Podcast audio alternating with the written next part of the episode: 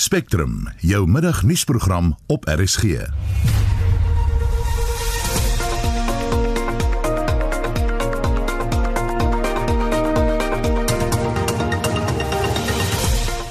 die program gesondheidswerkers word eersdaags weer met die Johnson & Johnson enstof ingeënt. SAPA reviewed all the reports and documentations and looked at uh, what's happening all over the world, and they've therefore come to an agreement that uh, we should actually reopen the vaccination. Regsaksie word ingestel teen die regering oor die Kubaanse ingenieurs wat na ons waterstelsel gaan kyk. Op gesigswaarde blyk hierdie ingenieurs nie te voldoen aan die registrasievereistes van die Suid-Afrikaanse Raad vir Ingenieurs wat hulle in staat sou stel om ten volle te kan praktiseer nie. 'n Brandbestrydingsmaatskappy sê die Charlotte Maxeke Hospitaal het nie 'n brandplan gehad nie en Suid-Afrikaanse missieltegnologie beland glo in Saudi-Arabië se hande. Goeiemiddag, ek is Susan Paxton.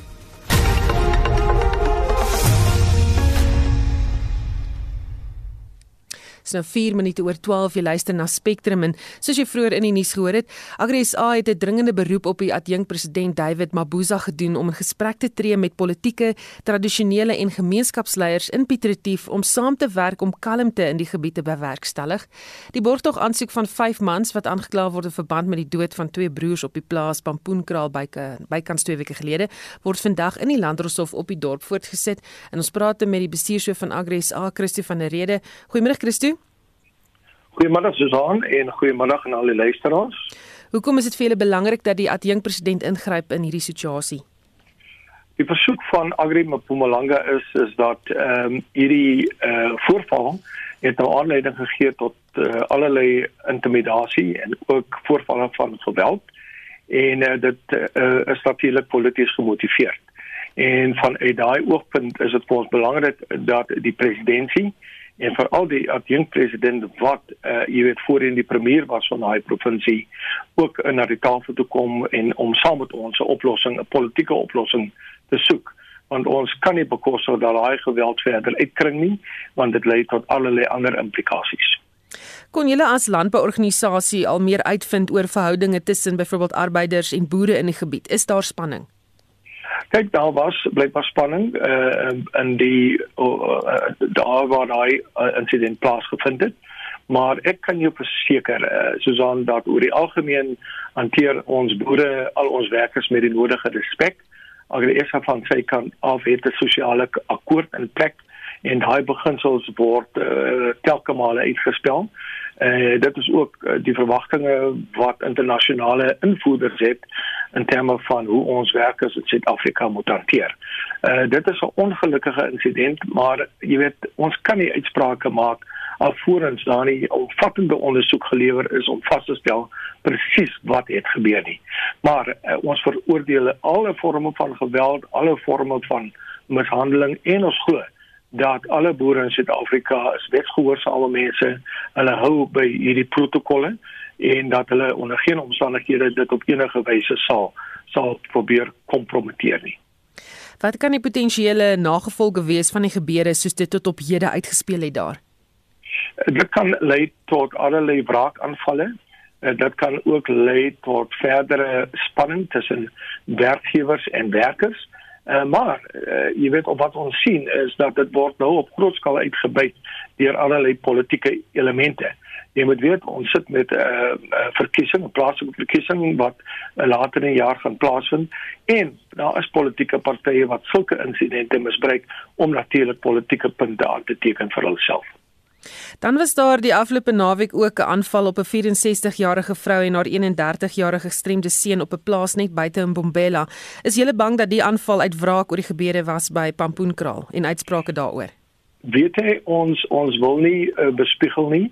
Uh daai saak moet ondersoek word, maar dit is vir my en vir Agri is al heeltemal onaanvaarbaar dat uh, hierdie tipe van moorde op op weerlose mense plaasvind ons harte gaan uit na daai families toe en uh, ons wil die publiek die versekering gee dat Agri Mpumalanga en al die strukture op grondvlak werk baie hard om die boere te beskerm. Ons het ook Agri Securitas wat ehm uh, jy weet finansiële inspuiting gee in gebiede waar daar kameras en die goed benodig word. Maar hierdie tipe van moorde op enige persoon in die land is totaal onaanvaarbaar. Ons is 'n konstitusionele demokrasie uh, waar wet en orde moet geld en wat nou aan die gebeur is en oor jare al aan die gebeur is is vir ons regwaar tekening van 'n demokrasie wat besig is om in te krummel en dit maak vir ons baie bekommerd. Baie dankie. Dit was Christo van der Rede, die bestuurshoof van Agri SA. En ons praat ook nou met ons verslaggewer Mtobisi Mtlalipi. Hy woon in hoofverrigtinge by en ons uh, gaan nou met hom gesels. Good afternoon Mtobisi. Afternoon to you and the afternoon to the listener. So what has happened in court so far? Mtobisi? Lyk vir my hy het ons uh, of ons het hom verloor daar op die lyn kyk of ons hom weer kan terugkry. Die sein daar in daardie gebied is nie baie sterk nie. So kom ons gaan kyk of ons uh, hom gaan in die hande kry. Ons het intussen vroeër met hom gesels om te hoor wat gebeur uh, in die gebied. Ons gaan gou luister na wat die klank was wat hy vir ons gestuur het terwyl ons kyk of ons hom op die lyn kan kry. Security has been beefed up outside the Pitractive Magistrate Court. Police used barbed wire to cordon the main road and other streets next to the court. Pumalanga police spokesperson Donald Dimdluli says security has been strengthened following incidents of property damage by a group of protesters. En dit was ons verslaggewer Mtombisi Mkalipi. Hy is in Pietretief op die oomblik en uh, lyk vir my ons het hom terug op die lyn. Mtombisi, are you there? Yes, uh, sorry we got cut off. There we go. Right. So what has happened in court so far? Yes, um, today we have seen that the group of protesters are here outside court. However, um, the police have put this barbed wire that they used to cordon some of the streets uh, far away from the court to make sure that the court is not disturbed. And also, we've seen a helicopter flying here to make sure that um, there, there, there is peace. Because in previous uh, uh, appearances, we understand that. Um, there were incidents of violence. So the police are saying that they want to make sure that security is strengthened and uh, uh, there is peace. However, inside court, the court is continuing. Uh, the investigating officer um, was uh, being cross-examined by the uh, defense. What happened today is that a video was brought in by the defense, and now when you look at the video, um, it seems as if uh, when you look what whatever that was said initially, that version and the version that now uh, is brought in by the um, uh, uh defense, they, they, there's, there's, there's quite a, a, a difference. Now, what they are saying that um, the video is showing that um, the group there's a group of people who came to the farm carrying sticks um, and also the two uh, uh, brothers, the Toka brothers, the deceased. Apparently, before they died, there was an altercation be- be- be- between them, and one of them was working for the farm. Is working at the farm. One of them uh, came in. Uh, apparently, he came uh, to fetch his uncle. So there was an altercation between the two brothers. One of one of the deceased was trying to tell uh, his brother that he must uh, vacate the farm or go away from the farm. Um, that is what uh, that, that appeared in court today. Um, with the, of course the vision that is brought in by the by the defense. Mtobisi, I know that the uh, media um, was asked to leave the uh, court when this video was showed, or did you see the video? Uh, media and the members of the public were not allowed to be in court when the video was was, was shown, and uh, uh, I can also indicate that uh, it was uh, the, the the court was adjourned. It's not like it was shown during the court proceedings. The court was adjourned, and then members of the media were, were requested also the public to to quickly move out. Only the the, the NPA, uh, the the investigating officer, and few police officers were allowed to view the video. And then when they came back now the, the investigating officer was um, uh, cross-examined uh, regarding that video or what they saw on that video. Hmm. Has anyone else been asked to give their version of events?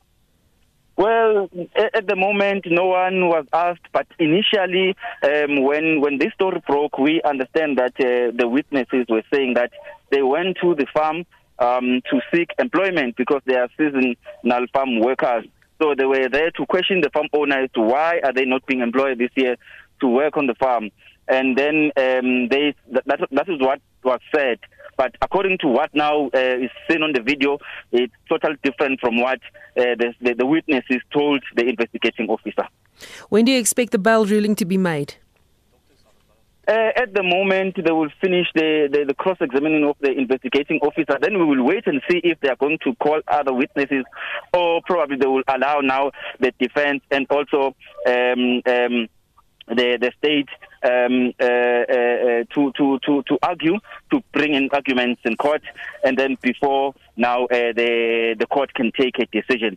So we, we will wait and see as to what will happen after uh, they, they've finished cross-examining the, the, the, the, the investigating officer. Baie dankie. Dit was Ntombi Simkalipi, hy is ons verslaggewer in Piet Retief wat gebeure daar dophou.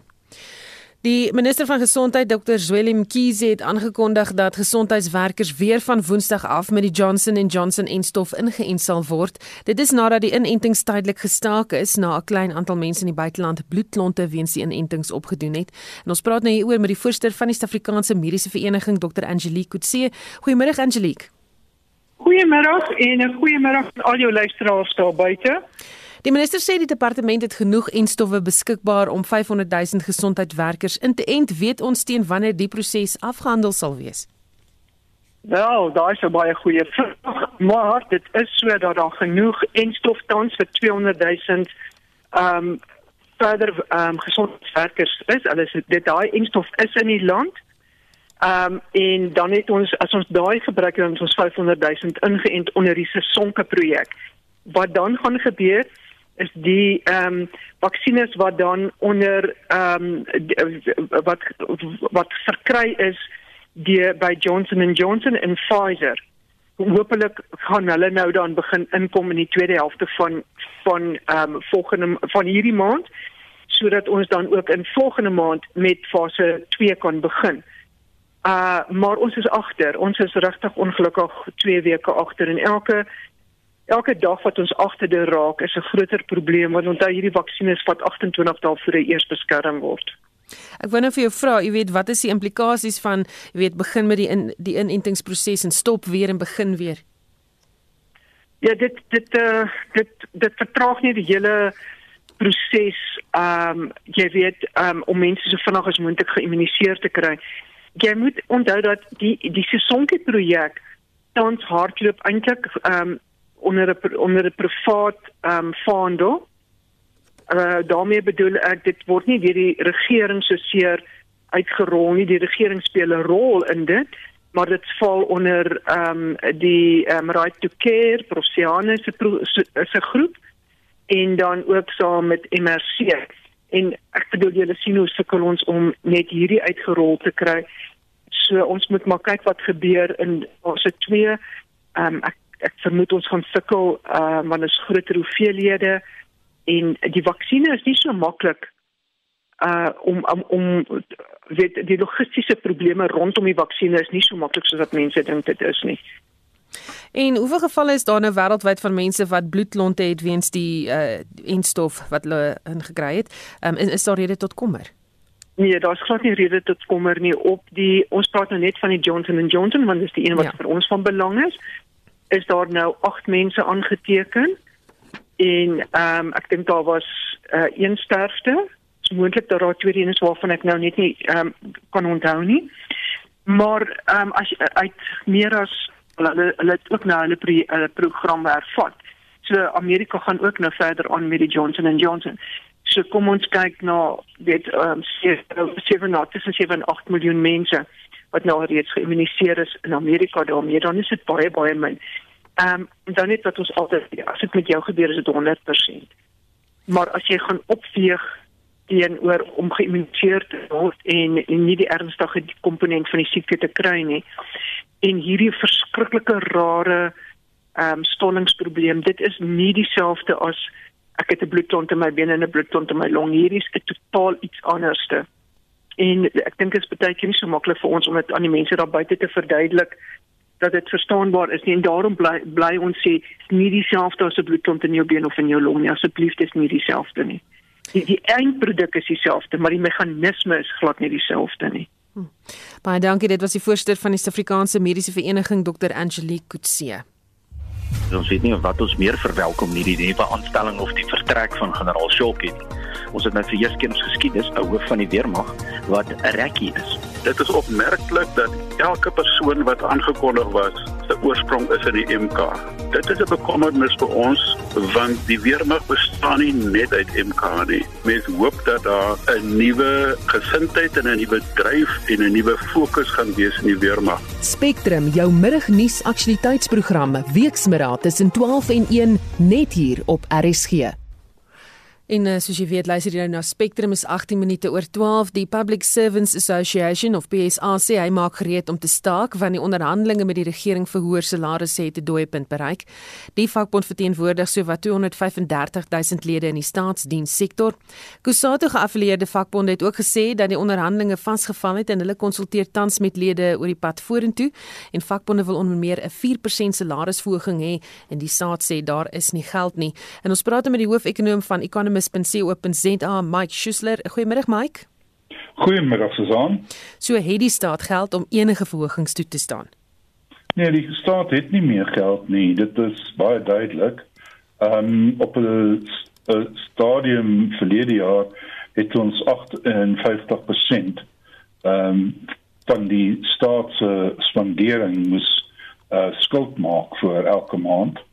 En as mense dan so sê dat omtrent ehm um, 40% van die staatsspandering is op salarisse, dan kry mense baie vinnig die indruk dat mense dit nie kan doen nie. En jy weet dit maklik om te sê dis die staatsspandering en 40% maar as mense na die belasting, hoeveel ek belasting met die staat inkry, dan is dit so by 2.53% van die uh belasting wat die staat inkry, um is die um salarisrekening van die staat. So die staat uh, spandeer meer as halfte van die belastinggeld wat hy inkry wat hy deur die res van ons en ook die staatsdiensamptenare inkry op salarisse. En staatssalarisse as 'n persentasie van BBP in die hele Suid-Afrika is baie hoog. Uh, Namibië is nommer 1 in die wêreld, Suid-Afrika is nommer 2, Lesotho is nommer 3, ook in die top 10 is uh, Botswana, Eswatini, uh, Mosambik. Ehm um, en dit is werklik waar ehm um, 'n situasie wat net uh, nie volhoubaar is nie. Ons betaal meer as ons uh, waarde as die Duitsers of die Amerikaners van staatssalarisse. Ons betaal omtrent 2.5 keer uh, uh, die BBP op salarisse as wat Japan spandeer en omtrent 8 keer wat Nigerië spandeer. So dit is net uh, nie volhoubaar nie, veral as jy omtrent 2 miljard rand per dag leen net om te leef. En uh, jy wil hierdie nog opjaag? Ek dink nie so nie. Wat kan die moontlike impak wees van so 'n staking deur vakbonde? Susan die die impak kan natuurlik die ekonomie skade lei. Um ek is seker daarvan maar ek dink jy weet die die groot um ding is die die daar daar's dele van die staat wat nie onmiddellike impak gaan hê nie. En enige staking uh, weet ons nou die 'n uh, uh, een of twee dae staking het nie 'n baie groot impak op die ekonomie. As die staking langdurig word, dan begin dit 'n impak hê op die ekonomie. Um en dit hang natuurlik ook af of die um persone wat staak betaal gaan word, want laas in 2011 is hulle wel nog betaal terwyl hulle gestaak het. Um en nou was 2010 kan jy onthou nie, maar daar was 'n probleem. So dit hang ook af hoe ons dit uh alles uh gaan sien gebeur um in daai opsig. Maar ek dink met um ek dink nie die nooddienswerkers kan staak nie. Ek dink nie um dit ek dink dit gaan moeilik wees om uh uh uh oral uh, effektiewe staking te kry uh, soos byvoorbeeld in die polisie en dis meer maar ja dit kan uh as langdurig raak 'n probleem begin raak Hoe moet die staatsdienssektor geherstruktureer word om finansiëel sin te maak? Wel ek, ek nie spesialis op herstrukturering nie, Susan, maar ek sou sê as ons ehm um, oor 'n tydperk van 'n paar jaar minder as ehm um, uh, uh inflasie aanpassings gee aan die staatsdiens. Ehm um, sou dit uh, help om ons uh, uh land weer aan die gang te kry in die sin dat ehm um, die die staat ehm um, dan minder kan belas en meer kan spandeer op goedere en dienste byvoorbeeld uh, boeke, medisyne, brûbou, damme al daai tipe van goed het agterweeg geraak. Ons sien dit elke dag in ons paaie. Ons sien dit in die uh watertoevoer wat nie werk nie. En dan dink ek moet ons ook baie eerlik wees met mense en vir die mense sê die die tipe geld wat ons betaal is net nie moontlik nie. Ek meen dit is uh, daar is en dan uh, as jy dit aanhou, dan gaan jy soos in Zimbabwe wees waar staatsdiensamptenare uh van die hoogspitaalde mense in die land steeds is maar daar is nie medisyne nie om uh, vir dokters om vir mense te gee nie. So hulle kan nie hulle dienste uh, lewer nie. Daar's ook nie skoolboeke nie. Daar's al daai te en Zimbabwe het so ver geval dat die gemiddelde staatsamptenaar in Zimbabwe kry 10 dollar of iets 'n maand. Ons het dieselfde situasie al gesien in Venezuela en Cuba waar dokters byvoorbeeld 20 dollar 'n maand betaal word in Cuba. Ehm um, en dit dit dit mense besef nie dat as jy op hierdie afdraande pad is dan gaan almal daaronder lê, insluitend die staatsdienswerkers. So ek dink ons wil nie daai tipe van lenings aangaan dat ons verstaan in 'n COVID situasie nie ehm uh, die beperkings vir die ekonomie gehad het. Ja, 58% moes gebeur het, maar ons kan nie weer terug gaan so intoe nie. Ehm um, ons moet nou begin kyk of ons daai staatsdiensrekening nie onder 10% kan kry oor 'n periode van 'n dekade as 'n persentasie van BBP nie. Baie dankie, dit was die hoofekonoom van die economist.co.za Mike Schuessler. Die spesiale ondersoekeenheid het onlangs aan die parlement gesê dat die wapenvervaardiger Denel se intellektuele eiendom glo by 'n wapenvervaardiger in Saudi-Arabië beland het. Die dataplanne vir drie missiele, die Mkontu, die Ingwe en die Makopa is ter sprake.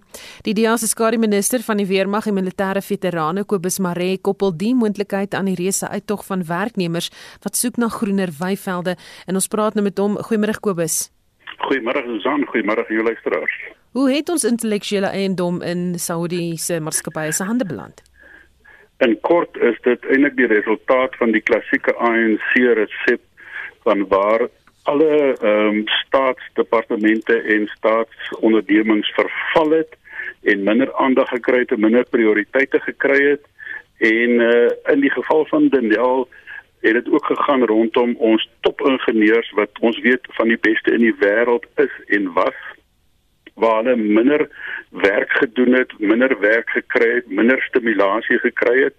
Ehm um, en en hulle het eenvoudig ehm uh, um, maar gevolg daar waar hulle 'n geleentheid kry en uh, Saudi-Arabië was die land wat ehm uh, ingespring het en ek dink selfs wetend of onwetend met die hulp van Denel waar hulle fabrieke in Saudi-Arabië opgerig het om juis musiele te vervaardig ehm um, het het Saudi-Arabië duidelik daai gaping gevul wat ook deur staatskaping daar gelos is. Ons wil onthou van die hele VR laser geval en daar is vele ander waar die Guptas betrokke was en waar Daniel werklikheid gestroop was van van kapasiteit van geld ehm uh, van van 'n vermoë en uh, waar ons op 'n stadium van die top vervaardigers en en, en kenners was van van intellektuele eiendom rondom tegnologiese uh, kundigheid in die militêre bedryf.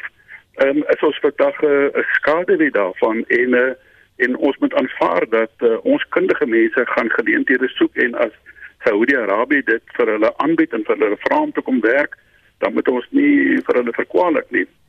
Ons moet ook onthou dat intellektuele eiendom tot 'n groot mate tussen mense ore is. Aan die ander woorde, dit is daai slim ouens wat hierdie stelsels ontwerp het en hierdie produkte ontwerp het wat die vermoë het om daai intellektuele eiendom te kan omskep in 'n produk wat dan kompeterend kan wees in die wêreld en dis presies wat uh, Saudi-Arabië nou doen. So wat gaan die implikasies wees hiervan? Wel die implikasie daarvan is dat uh minder en minder ehm um, kompeterendheid sal ons in die in die wêreld verdedigingsbedryf sien komende uit Suid-Afrika uit en dit beteken ons kompeterende invloed wat ons sou hê gaan ons verloor.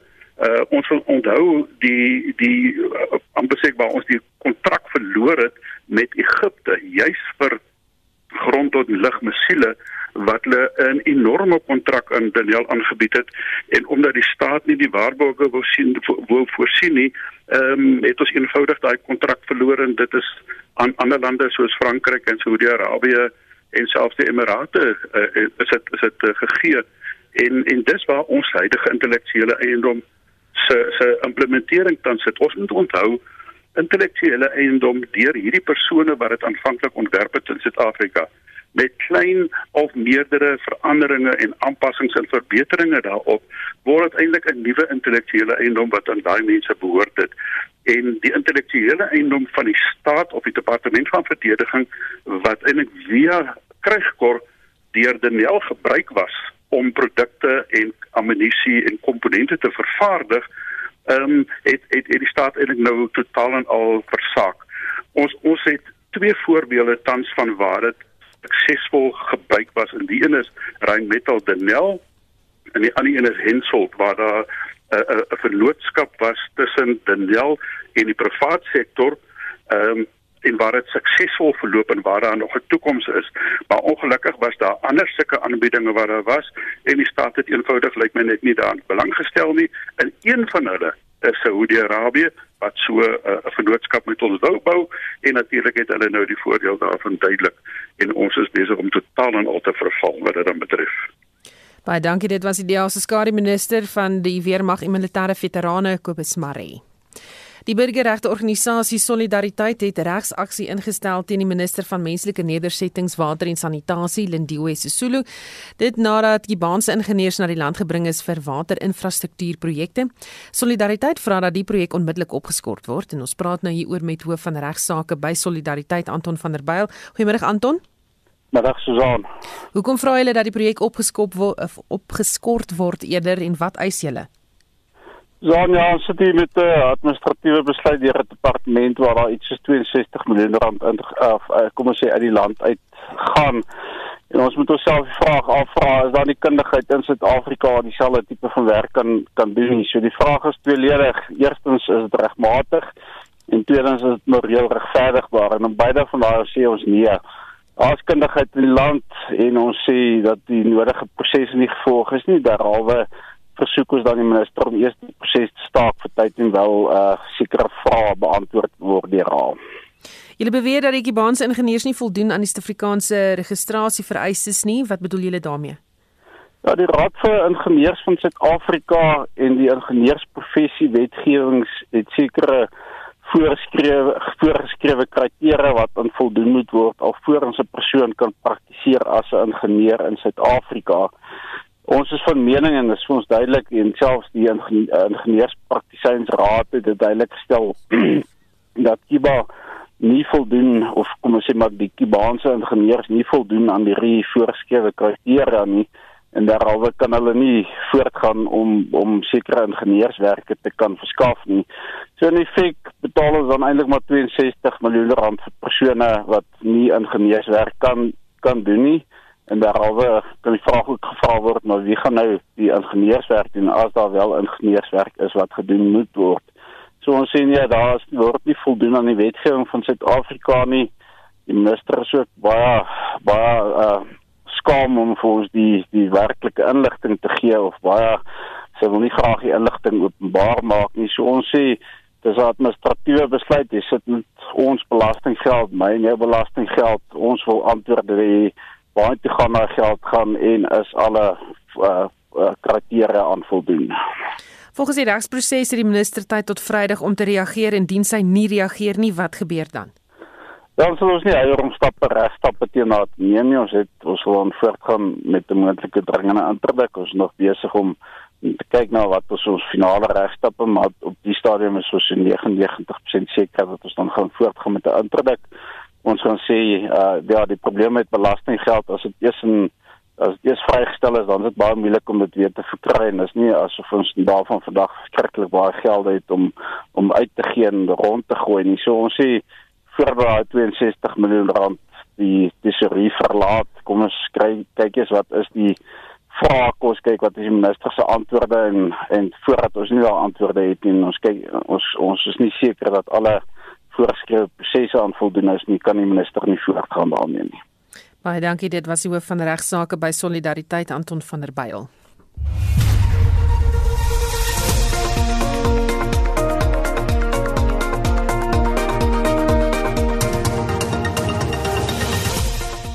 In die program die rasverteenwoordiger van een van die 5 mans wat beskuldig word van die moord op die Kokka broers op 'n plaas by Mkondo in Mpumalanga sê daar is 'n video wat toon wat gebeur het op die dag van die voorval.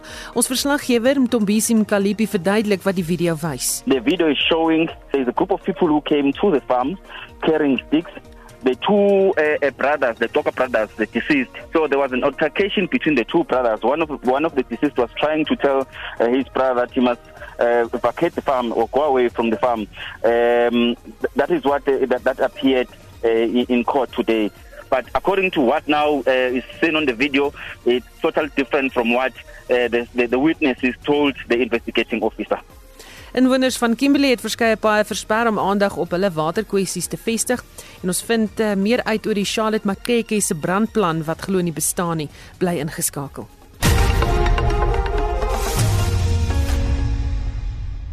Ons weet nie wat ons meer verwelkom nie, die nuwe aanstelling of die vertrek van generaal Shopkie nie.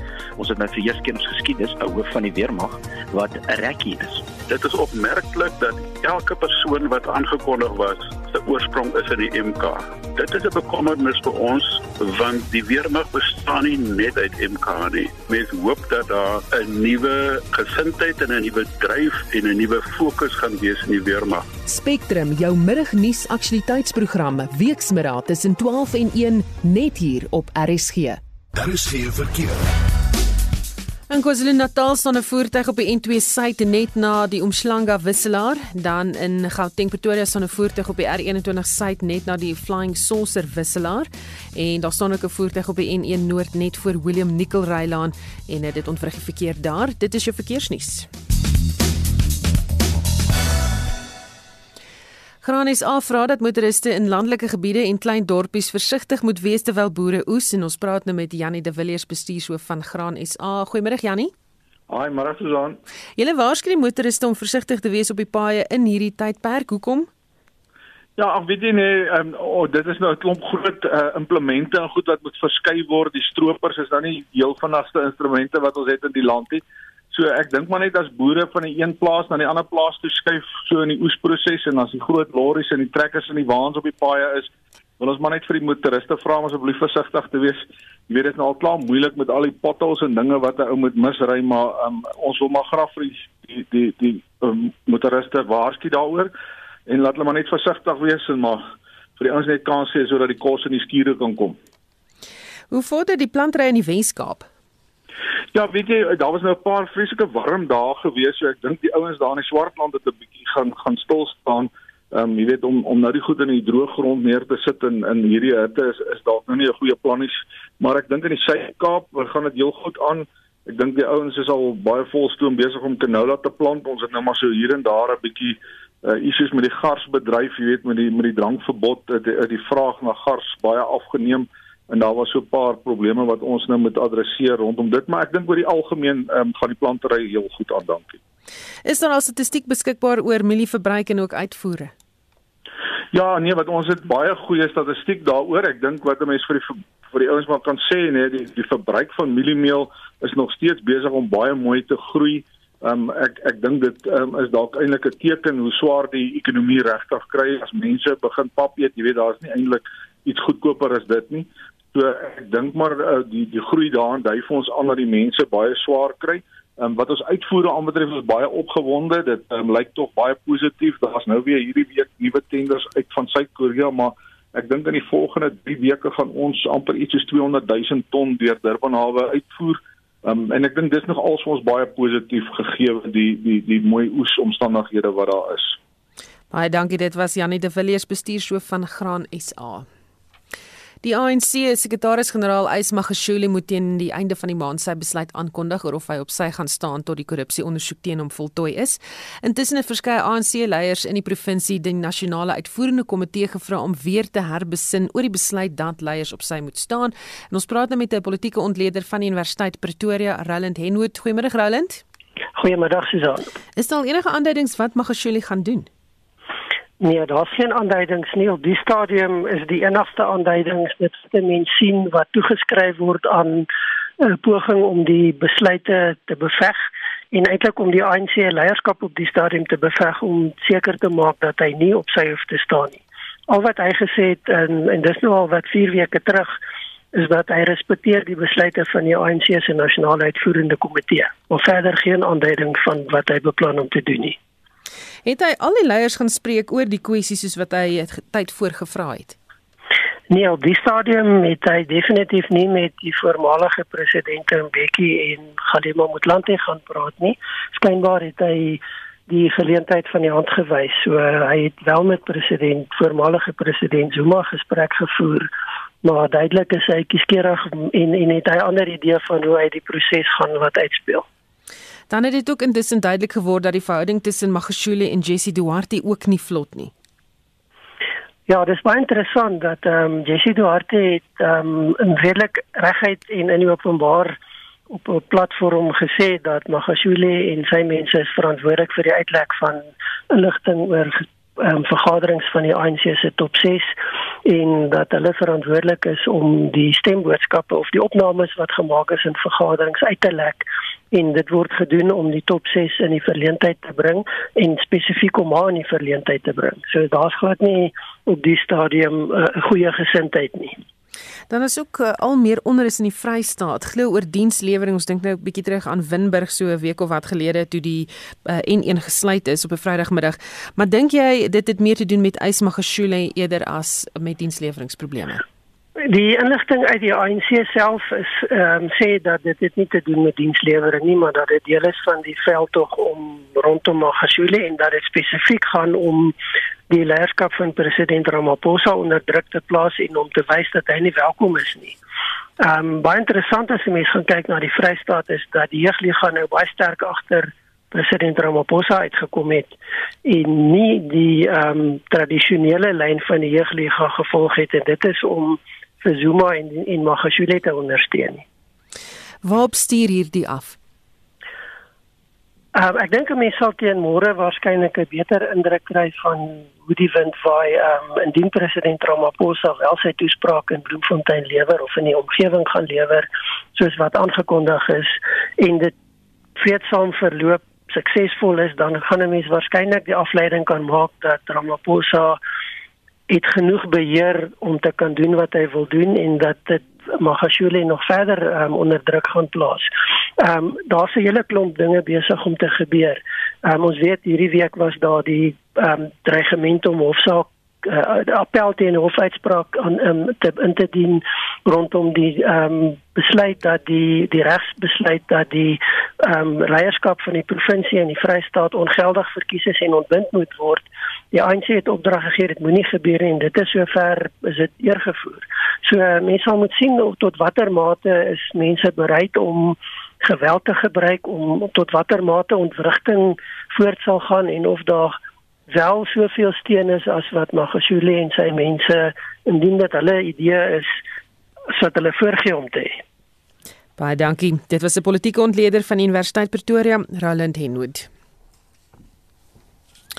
En lyk like vir my dis nou 'n tyd vir sportnuus en Shaun Jooste het die jongste sporthoogtepunte. Eerstens in rugbynuus. Die 5de ronde van die Vastie beker reeks word vandag en môre gespeel. Vandag se twee wedstryde is vanmiddag 5uur die CUT Ajaxias teen die UCT Ajaxies en vanaand 7uur Tikkies teen UWC. Beide wedstryde vind by Tikkies se sportgronde plaas. Op die cricketveld pak die Punjab Kings en Kolkata Knight Riders mekaar vanmiddag 4uur in die IPL reeks. Die Royal Challengers Bangalore het intussen aangekondig dat twee van hulle spelers, die Aussies Adam Zampa en Kane Richardson, die res van die toernooi weens persoonlike redes gaan misloop en na Australië sal terugkeer. Die Indiese draaibouler Ravichandran Ashwin het ook gister aangekondig dat hy sy familie tydens die tweede COVID-19 golf wat Indië lamlei gaan bystaan en aan die toernooi onttrek. Hy speel vir die Delhi Capitals. Op die sokkerveld draf Leicester City vanaand 9uur in die Engelse Premier Liga teen Crystal Palace op die veldtyd en in Italië taak Lazio en AC Milan mekaar vanaand kwart voor 9. En laastens in tennisnuus. Suid-Afrika se Kevin Anderson stap vandag in die eerste ronde van die manstoernooi in Estoril in Portugal teen die Amerikaner Francis Tiafoe op die baan uit. Lloyd Harris en Ryan Klassen is die ander twee Suid-Afrikaners wat ook by die toernooi in aksie sal wees. Shaun Jooste met die sportnuus. Die voormalige groep bestuurshoof van Transnet, Siyabonga Gama, getuig vandag voor die staatskapingskommissie. Esie de Klerk het die verrigting vir ons dop en ons praat nou met haar daaroor. Esie Gama het ook in Maart voor die kommissie getuig en hy toe aan die kommissie gesê hy is in 2009 dissiplinêr deur Transnet aangekla in 'n poging om te verhoed dat hy Maria Ramos toe as bestuurshoof van Transnet moes opvolg. Ja, Gama het gereageer op vrae wat die getuienisleier advokaat Anton Meiburg aan hom gestel het dat sy hersaanstelling in die pos in 2011 polities gemotiveerd was en dat oud-president Jacob Zuma daar agter gesit het. Advokaat Meiburg se vrae was gebaseer op die getuienis van die voormalige minister van openbare ondernemings Barbara Hogan oor haar tydperk by Transnet in 2009. Nou Hogan het getuig Zuma het aangedring op Gama se aanstelling en Hogan het ook getuig haar weiering om Gama as die potensiële nuwe bestuurshoof van Transnet te oorweeg, het haar verhouding met Zuma versuur en dit het vererger nadat Gama in Junie in Junie 2010 ontslaan is.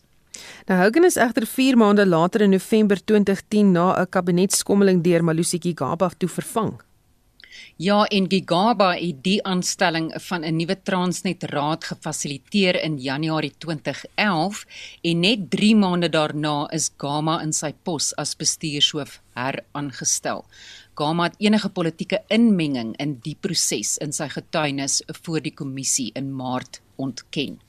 Nou vandag het Gama met sy getuienis begin deur voort te gaan om uit sy openingsverklaring te lees onder meer om soos wat hy dit noem teenstrydighede van getuies wat voor die kommissie getuig het reg te stel.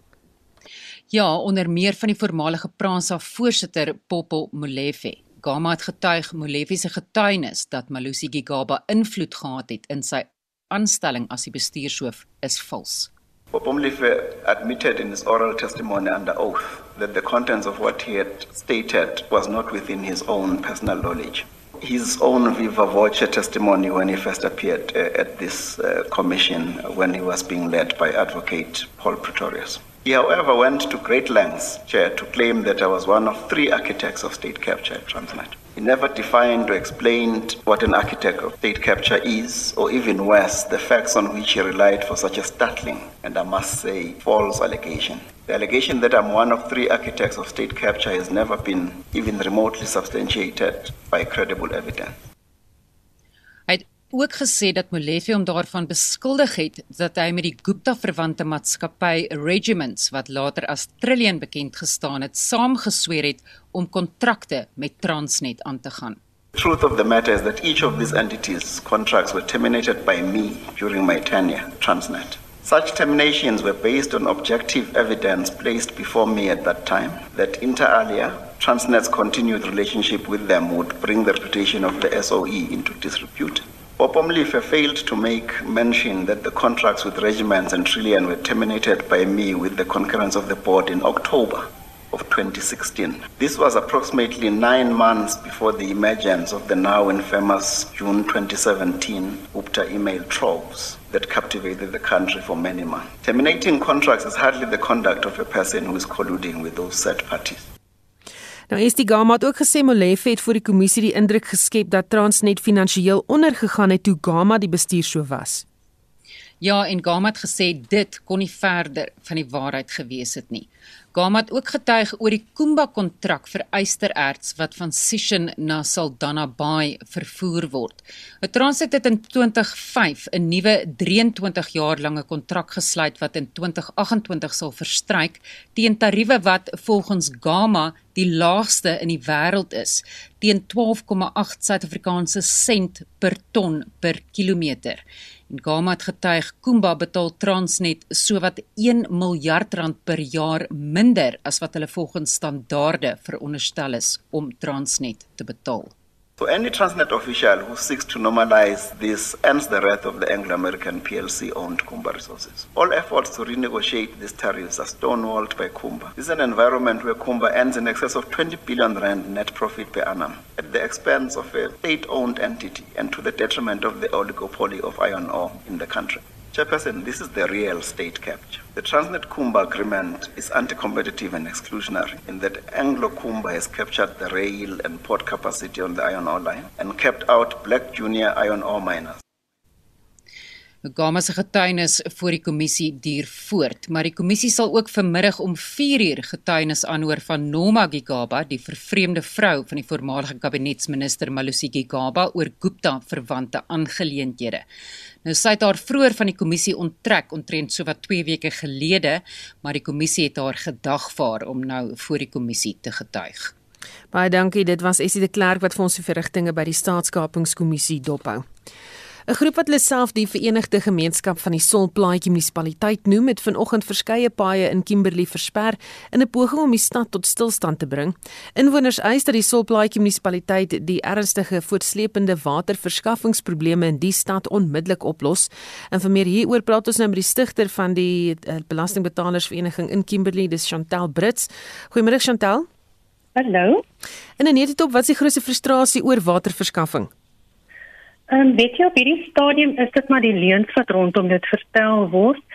Ehm um, as hulle beter oop kaarte met die mense gespeel het, sou ons nie so kwaad gewees het nie. So dit gaan oor maar oor infrastruktuur wat vir jare nie onderhou is nie. En ewe skielik nou het ons groot probleme daarsonder ehm um, water en die mense het nou net genoeg gehad. En hoe reageer inwoners op hierdie kwessie? Ons probeer elkeen maar doen wat ons kan. Ehm um, daar is die meer radikale ehm um, mense wat nou besig is om die paaie toe te maak en so.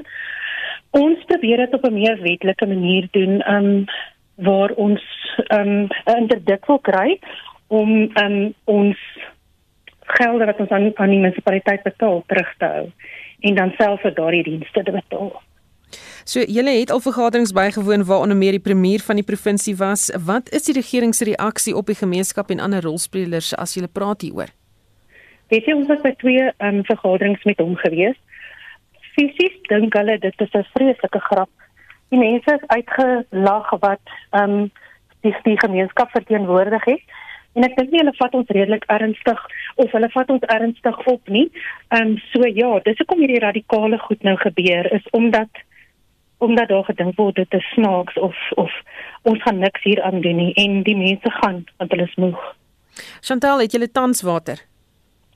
Ons het tans water ja, maar ek weet dat daar wel op een van die groot lyne wat in die dorp inkom, ehm um, herstelwerk gedoen moet word. So dis maar 'n kwessie van tyd voor ons weer vir een of twee of vyf dae nie gaan hê nie. Baie dankie, dit was die stigter van die Belastingbetalersvereniging in Kimberley, Chantal Brits. Brandweermanne van die privaat maatskappy Fire Ops SA wat gehelp het om die brand by die Charlotte Mackenzie Hospitaal te blus sê, die hospitaal het nie 'n brandnoodplan in plek gehad nie. 'n Brand het meer as 'n week gelede by die hospitaal uitgebreek wat tot die tydelike sluiting van die hospitaal gelei het. En ons praat nou hieroor met die bestuurshoof van Fire Ops SA, Wynand Engelbrecht. Goeiemôre Wynand.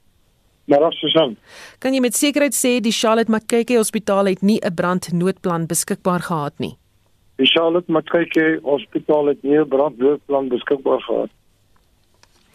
En sê vir my wat het nou gebeur? Wanneer is pasiënte uiteindelik uit die hospitaal na veiligheid geneem? As die on ontruiming kyk, brand het die Vrydagoggend rondom 11:00 begin en die ontruiming het uh, Vrydag aand rondom uh, 09:30 na 10:00 begin. Watter noodbrandplan is maatskappye veronderstel om in plek te hê wat bepaal, jy weet, wat sê hierdie plan? Die OSH Act wat uh, natuurlik nou almal van ons ken in die Engelse naam die OSH Act. Jy het voor dat dat 'n maatskappy moet eh, 'n uh, brand 'n uh, noodplan hê en 'n noodplan sluit natuurlik 'n brandplan in. En noodplanne is ver meer gekompliseerd soos as dit uh, mense in die algemeen dink. Dis nie net daar by die lift waar jy inklim by die lift in jou uh, in jou kantoor waar daar 'n prentjie is teen die muur met groenpyltjies en sê jy's nou hier. Dit dis dit klink amper soos 'n groentewinkel. Dis nie 'n noodplan nie, dis net 'n prentjie van om jou te help om daar by die naaste trappie te kom. 'n Noodplan is 'n baie goed deurdenkte uh dokument wat sê hoe ons sal optree in die geval van enige noodgeval. Nie net 'n brand nie. So dit dit moet ons leiding gee voor die tyd. En dit moet ingeoefen word dat almal verstaan presies wat is dit wat bedoel word. As daar nou 'n gaswolk deur jou winkel gaan waai of as daar brand is um, of as daar 'n uh, uh, uh, sterk wind is wat alles afwaai terwyl al die werkers in die winkel is. Al daai goed moet 'n mens vooraf beplan en sê wat gaan ons doen as dit die dag gebeur? Want jy kan duidelik nie dit doen wanneer dit gebeur nie. Dit dis dit net te laat. Deur wie moet hierdie noodplan goedgekeur word en hoe gereeld moet so 'n plan, jy weet, hersien word? Alle noodplanne behoort deur die plaaslike uh uh disaster management mense goedgekeur te word. Nou jy sal hierdie rampbestuur mense kry binne in die stadsraad, dit is deel van dieselfde departement waarin die brandweer is. So jy moet jou noodplan aan hulle gaan verduidelik en voorlê en hulle kom na jou plek toe en hulle keer dit dan goed. Maar dis net die teorie daarvan. In die praktyk is dit nogal 'n gesukkel om dit reg te kry. Maar dit beteken nie as jy nie rampbestuurse ondersteuning het dat jy nie 'n noodplan moet hê nie. Ek sou sê dat as 'n noodplan deur 'n professionele mens opgetrek is en jy is tevrede daarmee, dan implementeer jy dit en indien die stadsraad se rampbestuur dan nou uiteindelik by jou uitkom, wel dan word die saak dan met hulle verder bespreek. Maar in die eerste instansie is die verpligting in alle gevalle op die eienaar van die besigheid. Is daar 'n straf wat opgelê kan word indien die planne nie op datum is of eers bestaan nie? Nee, waarskynlik nie. Die die naaste wat ons dan kom aan 'n straf is dat die wet maak voorsiening vir die aanstelling van wat ons noem 'n 16.1 persoon en daai persoon is verantwoordelik vir die lewensveiligheid van al die mense onder sy of haar beheer. Nou jare gelede kon jy 'n boete kry indien jy die wet oortree het, maar toe die maatskappy die boete betaal en die en die enkeling het individue daarmee weggekom. So dit die minister het dit toe al jare terug verander hier 'n boete van 10 dae in 'n in 'n 'n tronkstraf. Sodat die tronkstraf moet deur die 16.1 uitgedien word. Maar ek is tot vandag toe nog nie oortuig dat enige iemand enige 16.1 al ooit aangespreek is nie. So ek dink nie dit is 'n vreeslike effektiewe stuk wetgewing nie, maar ja, daar bestaan so 'n uh, 'n uh, 'n sanksie. Baie dankie. Dit was die bestuurshoof van Fire Ops SA Wynand Engelbregt. Die Gauteng Departement van Gesondheid kon nie vir kommentaar bereik word nie. Die Suid-Afrikaanse dokumentêr My Octopus Teacher het 'n Oscar-toekenning ontvang in Los Angeles, Amerika, te midde van groot opwinding oor die eer, sê die vervaardigers dat die bewaring van die groot Afrika akwatiese woud aan die Suid-Afrikaanse kus uiteindelik die aandag begin ontvang wat dit verdien. Marlene Forsie het meer. You'd see a big movement and she'd be slightly afraid and then look, oh, it's him. And she'd come out and be very curious. Very interested, very curious, but not taking stupid chances. Keeping all the other arms attached to the den and the suckers in place. How you direct that is you just come up for air every now and again and you speak to the cinematographer and you speak to the subject and you choreograph the scenes that you're going to film. And of course, a lot of the directing actually happens in the edit. You are sitting for many, many, many hours a day, going through your footage, listening to your interview, creating magic with sound and image, and bringing the story to life.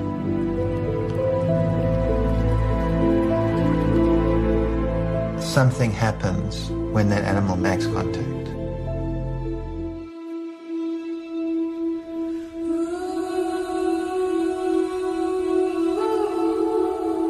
Toe Papa Erlich, een van die vervaardigers, vroeër die jaar met Anne-Marie Jansen van Vieren gepraat het oor hulle Oscar-benoeming, was dit nog slegs 'n droom.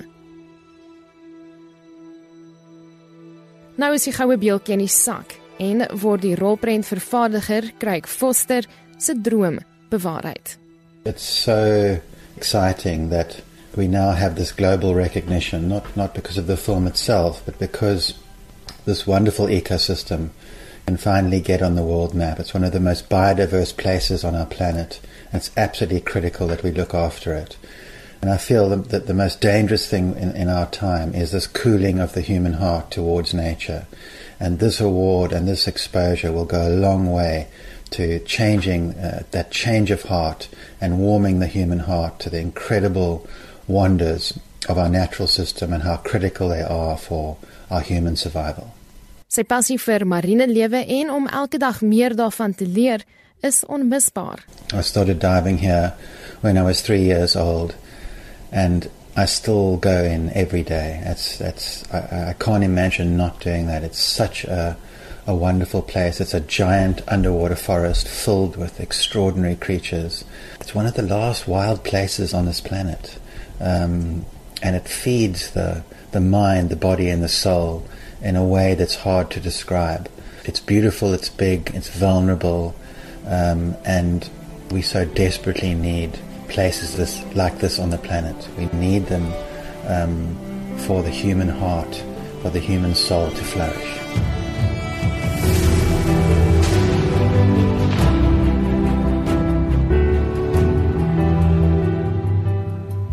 En dit was Craig Foster, die rolprentvervaardiger van die dokumentêr My Octopus Teacher, Marlene Forsie het hierdie verslag saamgestel met klank wat deur die vervaardigers beskikbaar gestel is. Die sake nuus word aangebied deur Jessie van Rensburg, portefeuljebestuurder by Netbank Korporatiewe Beleggings. Goeiemôre Jessie. Goeiemôre, Suzanne luisteraars. Ehm um, 'n relatiewe stil dag plaaslik met meeste wat weg is vir die lang naweek, maar die markte skop meestal sterker af. As ons kyk na waar Asië toegemaak het, Hong Kong Hang Seng verswak met 0.4%, die Japaneese Nikkei was op met 0.4% en dan Australiese ASX was af met 0.2%. In Europa verhandel die Britse FTSE onveranderd, so ook die Franse indeks en die Duitse DAX is af 0.2%. Plaaslik verhandel ons algehele indeks hoër met 0.2%. As ons kyk na waar die finansiële indeks is, dis 0.8% hoër met Standard Bank op 1.5% en Capitec op 1.4%. Die nywerheidsindeks is swak met 0.3%, Aspen 'n baie groot beweging vandag op 9.2%, Clicks op 7.2% en aan die verloorkant het ons Naspers af 1.7%. So kyk na die hulpbronindeks op 0.4% met Anglo American op 1.5%, BHP Billiton op 1.1% en aan die platinum verloorkant Northern Platinum af 2.4 en Impala Platinum ook af 2.4%. So kyk na die kommoditeitspryse, goud versterk met 0.2% en verhandel tans teen 1780 dollar per fyn ons. Platinum sterk met 0.6% en verhandel teen 1239 dollar per fyn ons. Brent olie verswak met 1.7% en verhandel tans teen 65 dollar sent per vat. Dan oor die wisselkoerse, 'n dollar verhandel teen R14.24, 'n pond R19 79 sent, 'n euro R17.21 en dan laastens as ons kyk na ons 10 jaar R2030 staatsefek, dit versterk met 1 basispunt en verhandel teen 'n opbrengs van 9.16%. Baie dankie en die sake nuus is aangebied deur Jessie van Rensburg, portefeuljebestuurder by Netbank Korporatiewe Beleggings. daarmee groet die Spectrum span. My naam is Susan Paxton.